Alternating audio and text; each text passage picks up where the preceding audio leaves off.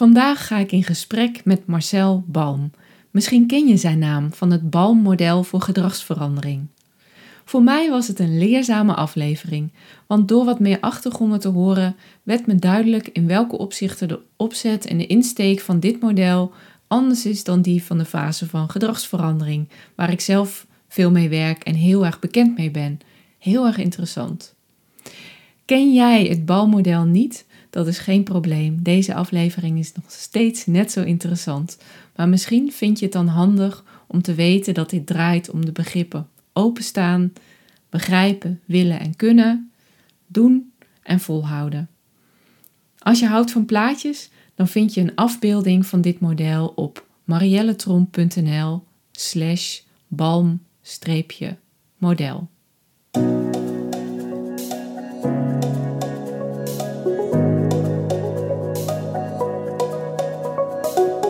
Fijn dat je luistert naar Positief Motiveren, de podcast voor zorgprofessionals die nieuwsgierig zijn hoe motiveren leuker en makkelijker kan.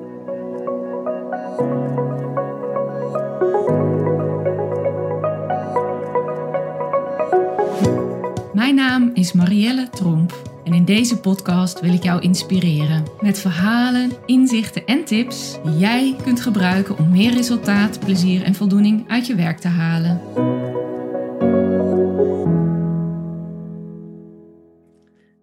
Vandaag in de podcast Marcel Balm.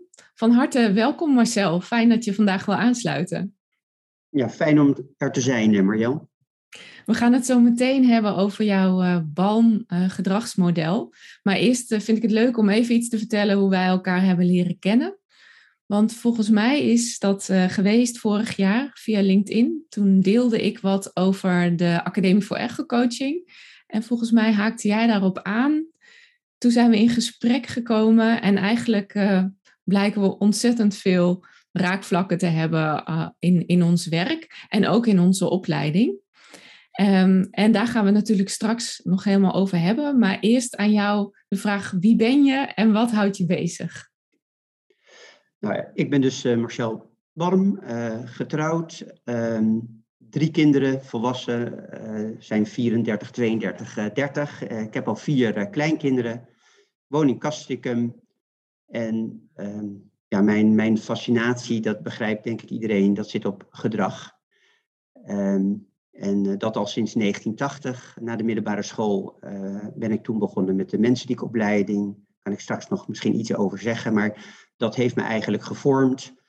Uh, ja, omdat oefentherapeuten mensen die, die, die leren patiënten zelf verantwoordelijkheid te nemen voor houding en beweging. Ja, een soort uh, positieve gezondheid van de letteren. En sinds 1980, met, met daarna heb ik bewegingswetenschappen gestudeerd, bewegingsagogiek gedaan. Uh, nou ja, tot op de dag van vandaag uh, ben ik elke dag bezig met nadenken over hoe kan je mensen uitnodigen en verleiden om, om zaken anders aan te pakken. Mooi, dankjewel. En uh, jij zei, uh, jij noemde al even Mensendiek. We hebben voor deze podcast daar al even heel kort over gehad. Want jij kwam met een anekdote um, die ik helemaal niet kende. Namelijk, er was een mevrouw Mensendiek. En dat wist ik helemaal niet. Ja, uh, dus, kan je daar iets meer over vertellen? Ja, nee, dat, is, dat doe ik heel graag. Want, want ik vind het heel erg fijn als mensen weten dat al in 1895, dus echt al heel lang geleden, mevrouw Mensendiek, uh, oorspronkelijk een Duitse vrouw, uh, getrouwd met een Amerikaan. En die Amerikaan heette Mensendiek. Uh, begonnen is met een methode. Dus al 1895 dames uitgenodigd om zelf te gaan oefenen. En zelf aandacht te hebben voor houding en beweging. dus het corset ging zeg maar in de open haard. En dan zonder corset vrij oefenen om vanuit ja, spieren... Uh, vooral ook destijds ging het over de schoonheid. Dus haar uitspraak was: de schoonheid van de vrouw zit in de dagelijkse beweging. En die methode is uh, sinds 1921 is er een menselijke opleiding in Nederland. Dat is vorig jaar gevierd, 100 jaar mensenriek. In begin jaren 70 is het een paramedisch beroep geworden, opgenomen in de wet op de paramedische beroepen. Dus sinds begin jaren 70 uh, is het tot op vandaag gewoon zeg maar een paramedisch beroep. Ja, ja, want zo, ik ken natuurlijk wel, ik ken natuurlijk wel mensen die ik als therapie. En ik zie ook wel in trainingen, en ik denk dat jij dat ook wel ziet, dat um, oefentherapeuten heel anders zijn opgeleid dan fysiotherapeuten. Ik heb fysiotherapie gedaan. Herken jij dat dat heel verschillend is? Ja, dat is denk ik echt uh, anders, omdat kijk, fysiotherapie komt voort uh, onder andere vanuit de heilgymnastiek. Uh, ja, en dat is een andere start dan hoe mevrouw Menselijk is geopend. Dat ging toch meer over autonomie en vrij en zelfstandig en op eigen kracht aandachtsverhouding beweging. Ook wil ik dan even noemen dat mevrouw Caesar was een leerling van mevrouw Menselijk. En mevrouw Caesar heeft eerst een menselijke opleiding gedaan. Maar goed, dat ging een beetje, een beetje rommelen. Dus in de jaren dertig mevrouw Caesar haar eigen bewegingsleer Caesar gestart. En um, dus je hebt op dit moment ook nog steeds oefentherapeuten Caesar. Maar in de wet op de parametrische beroepen staat maar één beroep. En dat is het beroep oefentherapeut. Ja. Oefentherapeuten kijken denk ik echt fundamenteel anders naar houding en beweging dan fysiotherapeut. Het is echt een mensenbeeld, het is een wereldbeeld. Uh, het, is, het is gewoon met een hele andere historie heel anders ontstaan. En daardoor denk ik dat men nog steeds uh, in principe, in principe uh, anders kijkt naar, naar houding en beweging. En, en ook de, misschien ook wel naar gedrag. Ja, nou dat, dat denk ik ook. En ik herken het ook van uh, mensen in trainingen. Dat oefentherapeuten echt een andere basis, een andere achtergrond en veel meer gewend zijn om vanuit gedrag te denken. En natuurlijk is dat ook steeds meer in de fysiotherapie, um, maar niet, niet altijd vanuit de basis, zeg maar. Ik vind het altijd wel nuttig om te noemen, we hebben het natuurlijk over verzamelingen. Dus de fysiotherapeut die heel erg redeneert vanuit mensendiek, die redeneert natuurlijk veel meer vanuit menseniek dan de oefentherapeut menseniek die dat het minst doet. Hè? Dus ik bedoel, uiteindelijk gaat het natuurlijk gewoon over mensen. En uh, je hebt natuurlijk oefentherapeuten die dat op een gegeven moment een beetje opzij leggen. En misschien wel bijvoorbeeld veel meer biomechanisch uh, redeneren. Dat kan. Terwijl er ook fysiotherapeuten zijn die, die meer vanuit dat holistische, hè, of vanuit het biopsychosociaal model, meer kijken naar het geheel. Hè. Dus uiteindelijk, hoe elke individuele therapeut dat aanpakt, ja, dat, dat, dat varieert uiteraard. Dat snappen we allemaal. Ja, absoluut. Ja, en dat, uh, het is ook inderdaad niet uh, de fysiotherapeut en de oefentherapeut. Klopt. Klopt, ja. ja. Mooi, ja. Um, we, gaan, uh, we gaan het straks hebben over het BALM-model. Um, en um, hoe ik daar ooit zelf bij ben gekomen, is dat ik als ja, trainer in motiveren uh, op zoek ging naar wat is nou een, ja, voor mensen die niet gewend zijn om na te denken over gedrag en gedragsverandering, wat is nou een goed model als handvat? Wat kunnen ze daarvoor goed gebruiken? En wat ik toen merkte, want volgens mij heb jij ook zo'n zoektocht gedaan uh, voor het bouwmodel. Wat ik toen merkte is dat je heel veel gedragsverklaringsmodellen hebt um, die uitleggen van waarom is bepaald gedrag op een bepaald moment zo. Uh, en dat kan heel nuttig zijn, alleen als je er echt iets aan wil veranderen, dan gaf dat soms niet altijd evenveel handvatten. Dus ik ben toen bewust op zoek gegaan naar gedragsveranderingsmodellen, waar je heel concreet uit kunt halen en wat gaan we dan nu doen. Dus ik, ik vergelijk het altijd, gedragsverklaring is een soort foto, dat kan je helpen. Dan kan je zien uh, wat er aan de hand is. En gedragsverandering is een, is een film waarin je kan zien en wat is dan nu voor mij de volgende stap om te doen. En eigenlijk uh, kwam ik toen dus uh, in aanraking met het balmodel. Uiteindelijk heb ik zelf destijds een ander model wat ik tegenkwam was de Stages of Change, fase van gedragsverandering. Ik heb toen zelf de keuze gemaakt om daarmee, ja, daar mijn ja, mijn handvatten aan op te hangen, laat ik het zo zeggen. Maar ik was ook heel gecharmeerd van het balmodel. En bovendien kom ik het ook heel vaak tegen in de praktijk. Bijvoorbeeld bewegingsagogen hoor ik daar heel vaak over. Kan jij iets meer vertellen over dat balmodel? Hoe ben je tot dat model gekomen? Nou ja, dat, dat model, uh, kijk hoe dat uiteindelijk is ontstaan, kan ik straks nog even zeggen. Alleen eh, misschien goed om te weten dat ik dus de opleiding heb gedaan, hè, van 1980 tot 83. Dat was toen nog een soort particuliere opleiding. Uh, zat nog bij het ministerie van Volksgezondheid, dus nog niet bij onderwijs. Uh, maar toen in 83 ben ik bewegingswetenschappen gaan studeren aan de Vrije Universiteit. En daar heb ik gekozen voor de richting bewegingsagogiek. Uh, met ook wat aandacht voor psychomotorische therapie. En toen uh, heb ik tijdens mijn studie, ben ik vier jaar gaan werken als oefentherapeut die. Dus ik was best wel een rijke werkstudent, want ik had iets van 20 patiënten per week. Gewoon winst uit onderneming, als oefentherapeut mensendiek. En dat heb ik vier jaar gedaan, terwijl ik ook als uh, student bewegingswetenschappen deed, dus bewegingsagogiek. En daardoor heb ik heel goed theorie en praktijk kunnen verbinden. Want ik had iets van anderhalve dag werk per week en had ik gewoon patiëntcontact was ik een paramedicus in de reguliere gezondheidszorg. En daarnaast studeerde ik dus uh, bewegingswetenschappen, schuine streep, bewegingsagogiek. Toen heb ik mijn afstudeeronderzoek uh, gericht op oefentherapie menseniek, maar ook mijn doctoraalscriptie heb ik gericht op oefentherapie menseniek. En wat mij nog een laatste zetje heeft gegeven, dat ik in 1988 ben ik de docentopleiding gaan doen.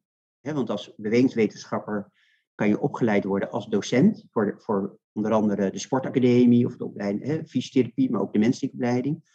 Dus ik heb de docentopleiding gedaan tussen 88 en 89 en ik ben ook als docent gaan werken bij de menselijke opleiding. Uh, en daardoor hebben al die ideeën zich gevormd. En uiteindelijk heb ik dat in mijn doctoraalscriptie, denk ik, opgeschreven. Um, en dan even dan het bruggetje, dan is het 1989 en toen was er een kerngroep 2001 hè, van de mensen die vereniging. Dat was destijds, de, nou ik weet niet eens meer precies welke afkorting er toen werd gebruikt, maar in ieder geval de beroepsvereniging voor oefentherapeuten Mensendiek. Dat was een algemene ledenvergadering, dat was 1989 en de kerngroep 2001 die adviseerde het beroep verder medisch-biologisch te onderbouwen. Maar ik had net die, eh, mijn doctoraalscriptie af en ik had die docentopleiding, dus ik zat veel meer in de didactiek. Eh, maar ook in gedragsverandering. En toen heb ik, uh, ben ik dus op gaan staan op die algemene ledenvergadering. En ik heb uh, de vereniging geadviseerd het beroep gedragswetenschappelijk te onderbouwen. En dat heeft men overgenomen. Toen ben ik lid geworden van het bestuur. Van 89 tot 93 in het bestuur. Ik was ook voorzitter van de commissie beroepsprofiel en onderzoek. En in 1993 verscheen dus het allereerste beroepsprofiel oefentherapeut mens met heel nadrukkelijk uh, gedragsverandering erin. En daar zat ook de basis van het gedragsmodel banden. Mooi, ja. En ook heel mooi dat het dus niet vanuit één van die hoeken is. Hè? Niet, niet alleen vanuit de bewegingswetenschappen, niet alleen vanuit uh, je praktijkervaringen, niet alleen vanuit didactiek, maar dat dat dus samenkomt. Ja, ja en dus het, kijk, eigenlijk van 89 tot 93 zat ik dus in een commissie met andere oefentherapeuten. Um, waarbij uh, overigens een deel daarvan is nu nog steeds werkzaam als docent bij de Hogeschool van Amsterdam bij de menselijke opleiding. Dus ik, had, ik, was, ik heb dat helemaal niet alleen gedaan. Um, en in 1990 ben ik gaan werken bij de Vrije Universiteit, bij diezelfde docentopleiding. Uh, docentopleiding had mij gevraagd daar te komen werken, omdat ik de docentopleiding zelf had gedaan. Ik had inmiddels ervaring als docent, maar er was toevallig mijn achtergrond als oefentherapeut uh, was nuttig. Dus ik ben gevraagd daar te komen werken. In 1990 ben ik daar gaan werken. Dus terwijl ik tot 93 bezig was met dat beroepsprofiel, werkte ik bij de docentopleiding van de Universiteit. En dat was ook een docentopleiding HGZO, docentopleiding Hoger Gezondheidszorgonderwijs, waar heel veel paramedische beroepen. Bijvoorbeeld de mondhygiënist werd opgeleid tot docent mondhygiëne. De fysiotherapeut werd opgeleid tot docent fysiotherapie, maar dan de centrale vakdocent. Dus omdat ik inmiddels daar werkte, had ik nog weer extra mogelijkheden om, om, om boven de stof te staan. Dus mijn helikopterview nam steeds verder toe, uh, waarbij ik ook samenwerkte met oefentherapeuten Cesar. Dus, dus ik heb ook toen ook artikelen in die tijd gepubliceerd met uh, Esther Gijsbers, een oefentherapeut Cesar. Dus daardoor werd het steeds breder getrokken waardoor de kwaliteit van dat beroepsprofiel oefentherapeut menselijk in 93 gewoon wel behoorlijk op orde was. Mooi, ja. En ik, ik kwam jouw model, ja, ik weet niet precies meer welk, welk jaar tegen, maar in ieder geval uiteindelijk, ik heb hem hier voor me liggen in het eh, boek uh, Gezond bewegen kun je leren. Um, En dat heet uh, gedragsverandering door ergofysio en oefentherapeuten. Dus inderdaad ook die verschillende groepen die je noemt bij elkaar.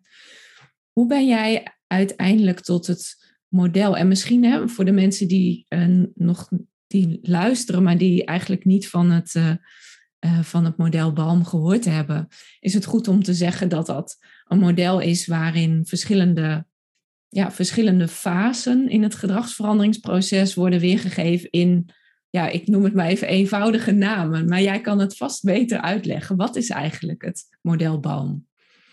Nou ja, de, de, de, de patiëntenvoorlichting en gezondheidsvoorlichting en opvoeding, hè, dat was voor een deel mijn inspiratiebron. Uh, dus het, het, het, model Balm is uiteindelijk zes woorden: hè, openstaan, begrijpen, willen, kunnen, doen en volhouden. Waarbij je op internet heel veel uh, uh, van dit soort verzameling uh, van woorden ziet, zeg maar, in allerlei volgordes.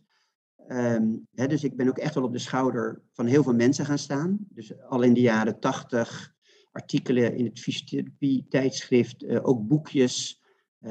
Hè, bijvoorbeeld op het gebied van patiëntenvoorlichting. Dus in die zin heb ik daar helemaal geen enkele bijzondere um, arbeid verricht.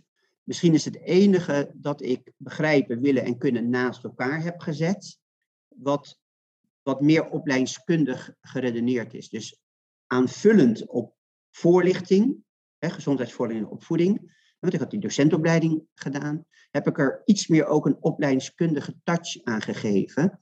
Want begrijpen, willen en kunnen is eigenlijk niks anders dan kennis, attitude en vaardigheden. Ja. dus iedereen die een opleiding onderwijskunde doet of opleidingskunde, uh, ik denk zelfs als je iets doet met didactiek, dan heb je het altijd over kennis, attitude en vaardigheden. Begrijp, begrijpen, willen, kunnen. Maar door die naast elkaar te zetten, uh, laat ik zien dat in de opleidingskunde en in de onderwijskunde ja, kom je dat nooit gefaseerd tegen. Nee. Daar gaat het niet over begrijpen, willen, kunnen in een volgorde. Nee, in een opleiding in een curriculum, in een onderwijsprogramma, heb je altijd aandacht voor, zeg maar, uh, informatie en kennis, kennis en inzicht. Uh, maar vaak al doorvertaald naar cognitieve vaardigheden.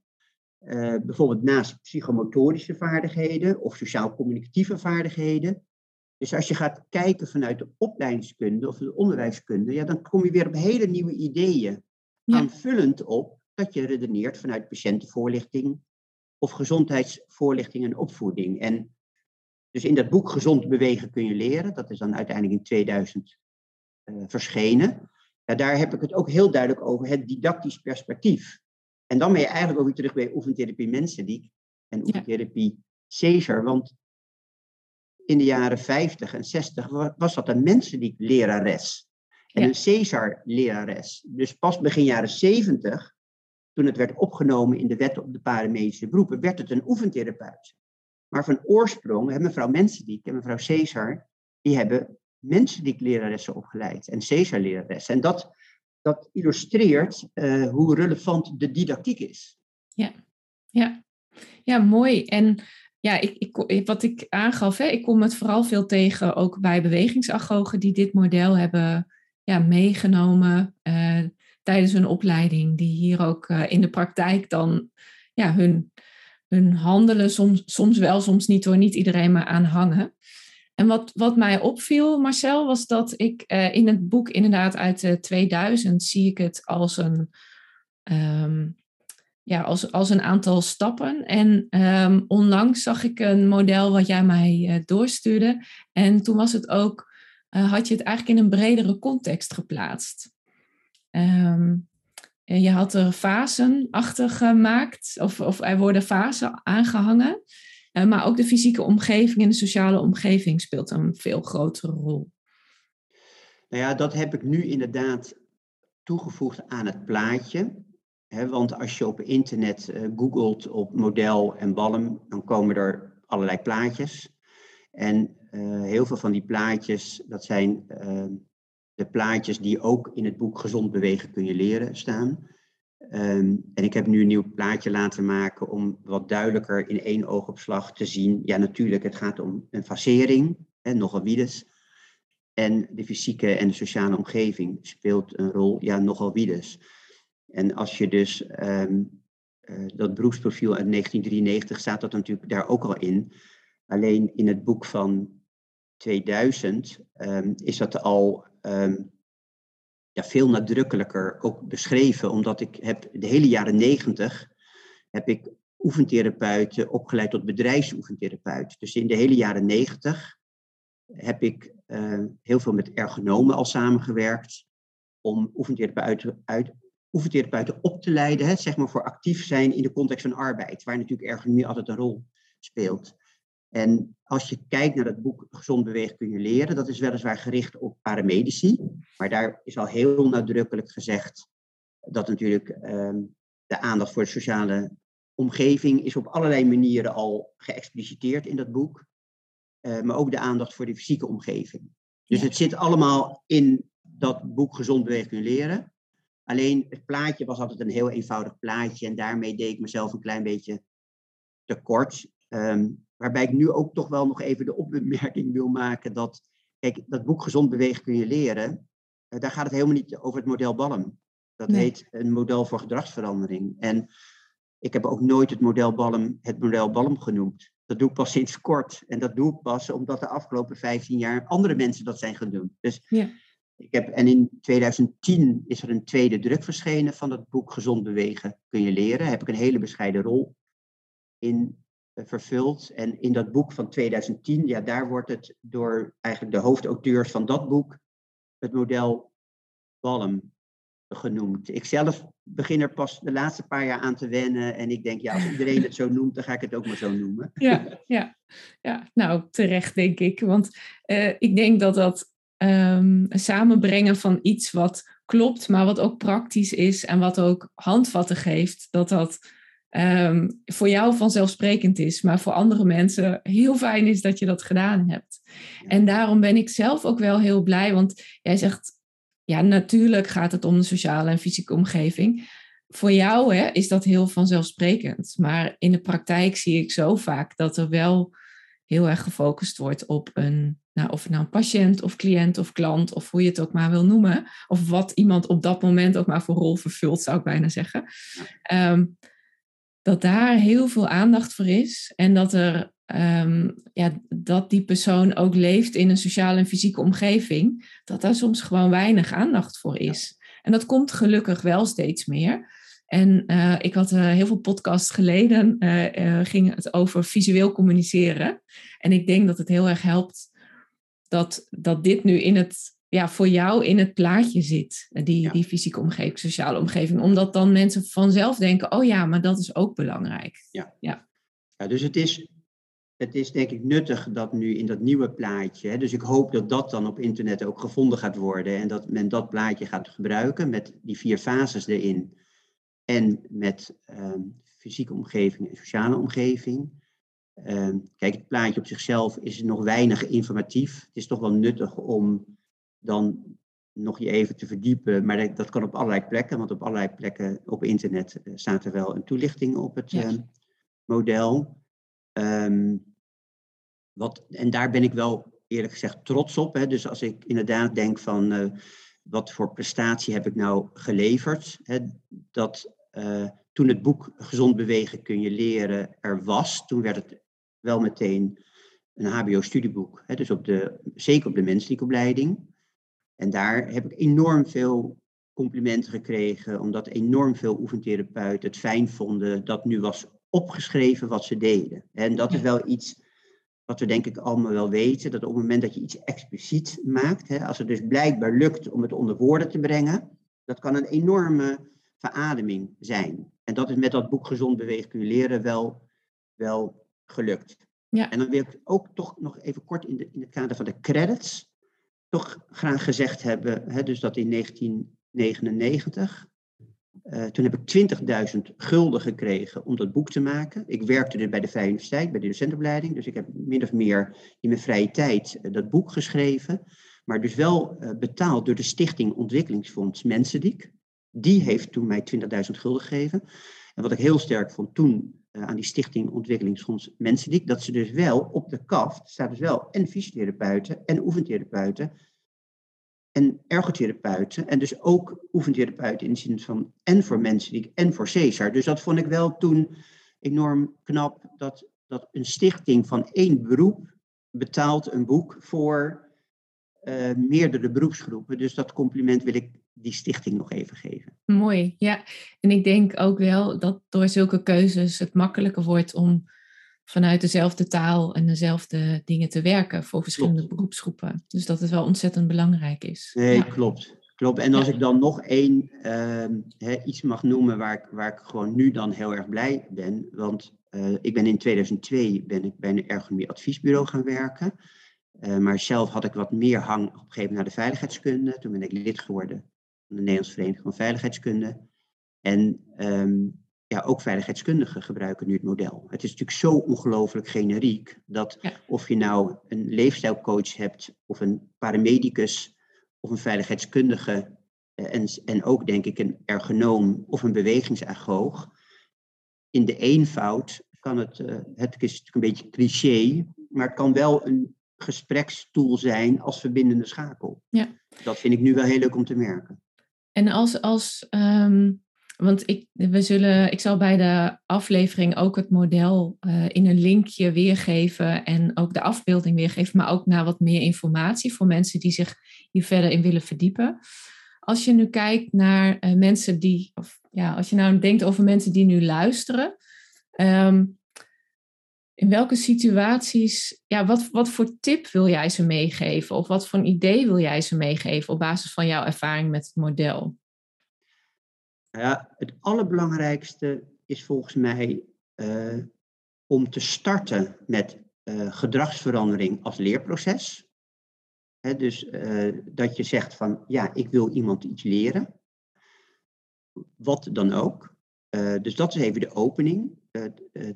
Vervolgens, als je iemand iets wil leren, ja, zou je toch even moeten stilstaan bij didactiek. en het meest basale didactische model wat ik ken, dat noemen ze het didactisch model van Van Gelder, kan je ook googlen. En het didactisch model van Van Gelder uh, heb ik ook beschreven in het boek Gezond bewegen kun je leren. Maar dat is eigenlijk niks anders van je hebt een doelgroep, vlees in de kuip, je hebt een doel. En vanuit doelgroep en doel ga je nadenken over interventies of een leersituatie. Je wil eigenlijk een leersituatie arrangeren waardoor de doelgroep leert en dus die doelen bereikt. Nou, vervolgens ga je natuurlijk het effect evalueren en je gaat het proces evalueren. Nou, dan heb je het model van Van Gelder. En um, dat is denk ik heel erg belangrijk. Hè? Dat je nadenkt over didactiek en binnen de context van arbeid, dat je ook nadenkt vanuit een opleidingskundig perspectief. Tot slot is het denk ik cruciaal om dan je te realiseren dat je aan de hand van het model Ballum leerdoelen kunt formuleren. Dus als je daar dus rustig over nadenkt. Hè, uh, hey, ik wil dat iemand ergens voor open staat. Ja, maar wat wil ik dan precies? Ja, ik wil dat iemand überhaupt aandacht heeft voor deze informatie. Ja, dan is het wel belangrijk dat iemand eraan blootstelt. Hoe kan ik zorgen dat mijn doelgroep überhaupt wordt blootgesteld aan informatie? En dan op het moment dat iemand die informatie op een of andere manier tegenkomt, dat dan niet de gedachtes, dat niet men aan iets anders denkt, maar aandacht heeft voor de informatie. Dus, oh ja, nou, dat, wat ik wil bereiken is dat iemand aandacht heeft voor de, deze informatie. Ja, en dan krijg je dus de volgende vraag, hoe bereik ik dat? Dan kom je bij de intervent. ik wil dat iemand het begrijpt. ik wil niet een aapje een kunstje leren. Nee, ik ik wil niet iemand dresseren. Nee, ik wil dat hij het begrijpt. Ja, hoe kan ik dan zorgen dat hij het, dat hij het begrijpt? Nou, dat kan. Ik wil dat hij gemotiveerd is. Uh, ik wil dat hij het kan. hey, als hij als je wilt dat iemand het kan, dan zal iemand toegerust moeten zijn. Dat gaat over vaardigheden. Over welke vaardigheden hebben we?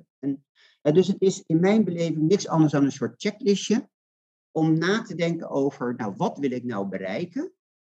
Dan ga je dus leerdoelen formuleren. Dat is nog wel een beetje een vak apart. Mm dus als je een docentopleiding gaat doen, dan is je allereerste les die je krijgt, is, dat gaat over het leren van, van leer, uh, formuleren van leerdoelen. Maar dus ja, mijn belangrijkste boodschap is van zie het model vooral als hulpmiddel om vanuit een didactisch perspectief uh, na te denken over de doelen die je wilt bereiken.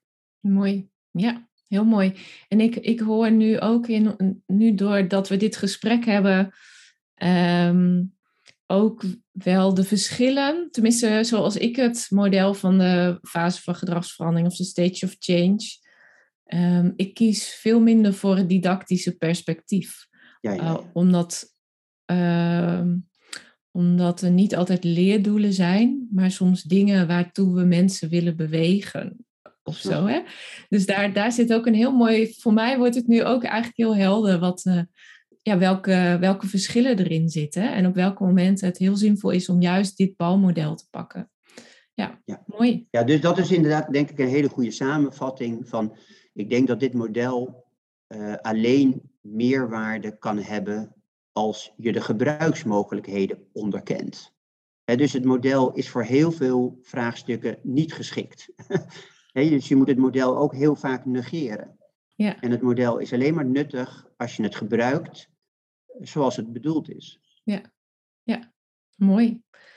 Dankjewel Marcel. En we zijn alweer uh, aan het eind van, uh, van deze aflevering. En uh, je hebt heel veel modellen genoemd.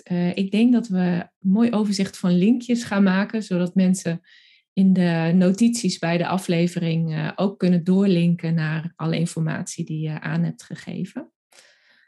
Ik wil je heel erg bedanken Marcel voor deze bijdrage. Heel graag gedaan.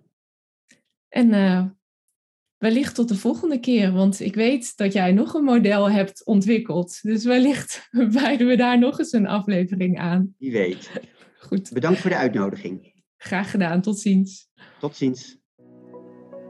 Tot slot nog even dit. Ik vind het bijzonder dat je luisterde en dat ik even met je mee mocht vandaag. Dank je wel.